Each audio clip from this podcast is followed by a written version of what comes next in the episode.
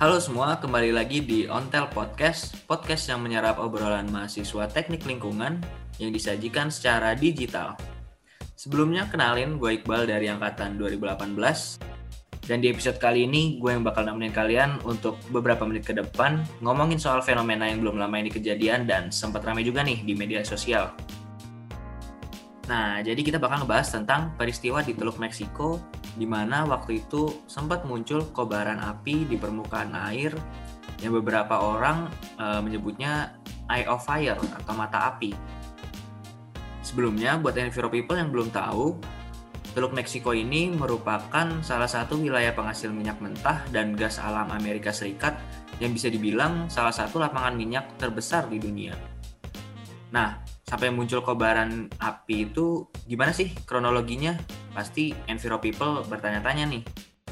Jadi, di tanggal 2 Juli 2021, kurang lebih pukul 5.15 pagi waktu setempat, ada laporan kebocoran pipa bawah laut di lapangan eksplorasi migas Kumalupzap, Teluk Campeche, Meksiko.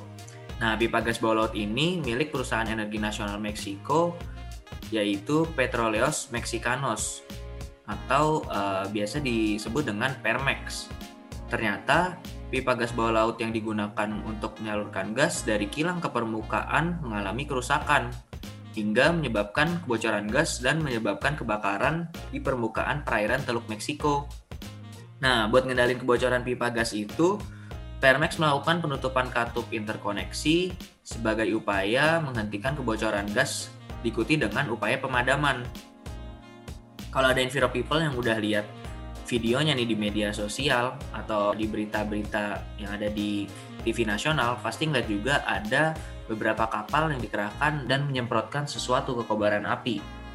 Nah, yang disemprotkan oleh kapal-kapal tersebut adalah nitrogen untuk memadamkan api biar tidak semakin menyebar luas. Kurang lebih butuh waktu sekitar 5 jam nih Enviro People sampai akhirnya kobaran itu berhasil dipadamkan. Gak lama kemudian, jaringan gas di negara Amerika Utara itu kembali normal. Dan dari insiden ini, Angel Carizales, kepala regulator keamanan Meksiko, sempat nge-tweet kalau nggak ada kebocoran minyak yang terjadi. Pihak Permex menyatakan tak ada korban luka maupun jiwa atas insiden tersebut. Walau begitu nih, ini bukan pertama kalinya insiden-insiden semacam ini terjadi. Jadi kalau kita flashback beberapa tahun yang lalu, di Januari 2013, sempat terjadi ledakan yang disebabkan oleh penumpukan gas di kantor pusat perusahaan Meksiko dan menewaskan 37 orang. Lumayan serem juga ya nih bisa menewaskan 37 orang. Kemudian di tahun 2015, 4 pekerja tewas, 16 terluka, dan lebih dari 300 orang harus dievakuasi setelah terjadi ledakan di platform Apkatun Apermanente di Teluk Meksiko Nah, di samping korban jiwa yang udah gue sebutin tadi, peristiwa-peristiwa semacam ini udah pasti dampaknya gede banget ke lingkungan. Bisa lo bayangin nggak seberapa luas ekosistem laut yang rusak kalau kejadian kayak gini ibaratnya udah jadi langganan nih di industri energi tak terbarukan.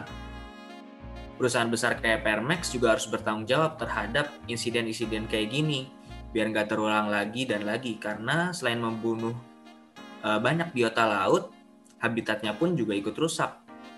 Hmm, apakah udah saatnya kita beralih ke energi bersih terbarukan?